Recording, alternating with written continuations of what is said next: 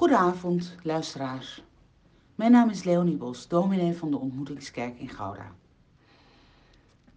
Ter bemoediging in deze onrustige tijden lees ik u elke avond de dagtekst van TC en een kort gebed.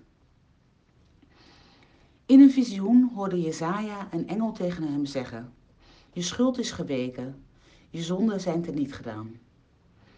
Daarna hoorde hij de stem van de Heer zeggen: Wie zal ik sturen?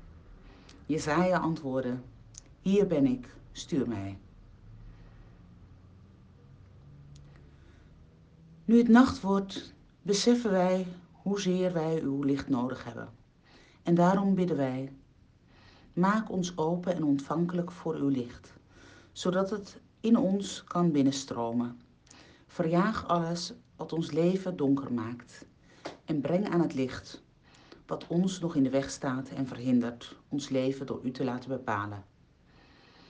We bidden u voor alle mensen die opzien tegen donker van de nacht, voor hen die gebukt gaan onder zorgen, die ze niet durven loslaten, voor hen die ernstig ziek zijn en zich niet durven toevertrouwen aan de slaap, omdat ze bang zijn voor de dood, voor hen die lijden aan slapeloosheid, voor hen die geen goede plek hebben om te slapen de daklozen en de zwervers, veraf maar ook dichtbij.